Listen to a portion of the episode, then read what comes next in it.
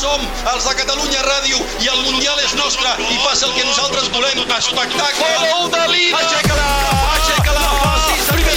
Però com corre tu moto! Univers MotoGP. Però que animalet! El champion! La champion!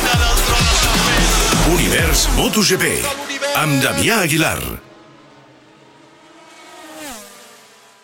Doncs Oliveira ha guanyat a MotoGP amb la KTM, Remy Gardner ha guanyat a Moto2 amb la KTM i Sergio García ha guanyat amb la Gas Gas a Moto3. Ja sabeu que la marca gironina ara es troba sota el paraigua del gegant austríac.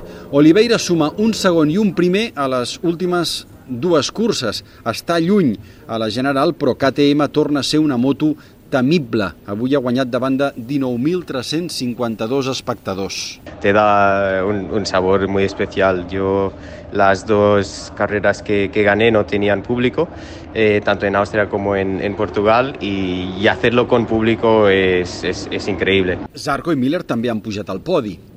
I Fabio Quartararo, inicialment al podi, acabat primer fora del podi, en la quarta posició per una sanció de 3 segons. Per què? Doncs perquè s'ha saltat un revolt i no ha tornat a pista reglamentàriament. Però aquesta acció la provoca una altra que amb el reglament a la mà li hauria hagut de costar una bandera negra. La cremallera de la granota se li ha baixat, o això pensem, perquè ell no explica res, s'ha tret en ple combat el protector del pit, l'ha llançat i ha fet les darreres tres voltes a pit descobert.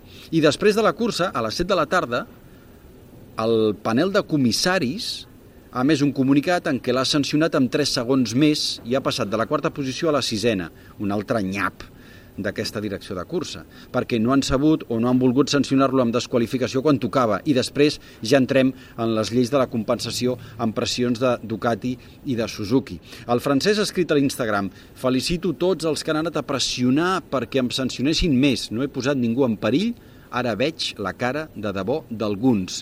Gràcies als que em donen suport, bla, bla, bla, bla. Suposo que referia a Joan Mir. Yo he visto que en la curva 3 él ha sacado una mano del manillar, si, si no me equivoco, y ha cogido la pechera y, y la, la, la, ha tirado porque le, o le molestaba o algo. A, a, mí que no lo penalicen por llevar el mono abierto cuando el único perjudicado en este caso es él, que si se puede caer se puede hacer pues, bastante daño. Eh, esto es una cosa, ¿vale? Aunque en el reglamento lo ponga, mmm, ya está. Eh, a veces dirección de carrera no, no es muy acer, no, es, no, está muy acertado en, estos, en este tipo de decisiones a veces. Eh, no siempre, ¿eh? Hay veces que sí. Y, y, en este caso yo lo que veo muy peligroso es lo de, lo de tirar la pechera. Es, un material, es, es, como, es como plástico. Eh, o lo que sea, como si es goma, eh, es, peligroso. Vienen motos a 200 por hora por atrás. Eh, bueno, eso es lo que yo veo muy delicado. Yo creo que eso es, es, bastante sancionable. Está poniendo en peligro a los demás pilotos, en este caso. És, és així. Amb el Fabio finalment sisè, Joan Mir passa a ser quart, Maverick passa a ser cinquè i millor català. A la general, Fabio segueix líder amb 14 punts sobre Joan Zarco. Bé, de la resta, caigudes de Marc Márquez, de Pol Espargaró, de l'Eix Espargaró, de Valentino Rossi, també de Petrucci i de l'Equona. Tercer zero seguit de Marc Márquez, que avui ha usat el Gran Premi de Catalunya, ho hem de dir així, per entendre millor els problemes d'Onda, perquè demà hi ha test, no li importava caure. Era la meva intenció d'avui, completament. Era, encara que fos una miqueta, treure algo. Preferia exprimir la taronja ràpid que no, que no beure poc suc. O sigui, l'he exprimit al màxim les primeres voltes, eh, preferia això que no fer una cursa estant al 12, el 13, el 14, anar donant voltes i anar cremant gasolina. Bé, els pilots catalans de MotoGP segueixen sense pujar al podi amb l'excepció d'aquella victòria de Vinyales a la primera cursa de Qatar que ja sembla tan llunyana. A Moto3, segon podi per Jeremy Alcoba, que ha acabat segon, i a Moto2, tercera posició per Xavi Vierge, primer podi.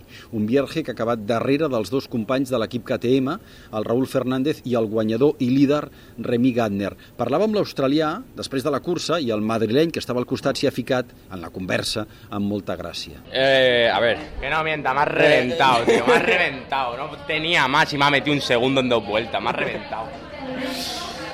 No sé, eh, la verdad es que no tenía nada planeado. Eh, pensaba si puedo llegar a estar primero en la primera curva a ver si puedo tirar y abrir un hueco.